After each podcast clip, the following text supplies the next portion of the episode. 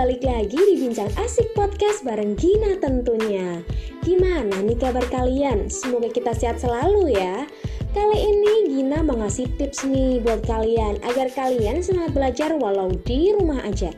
Tips yang pertama, buat suasana senyaman mungkin agar kalian betah belajar.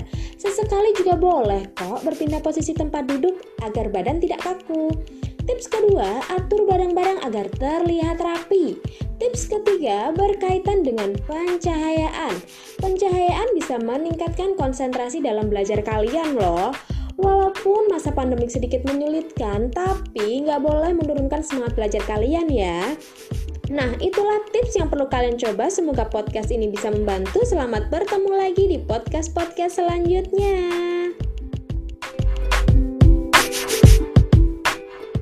Muda FM selalu ada di hati penggemarnya.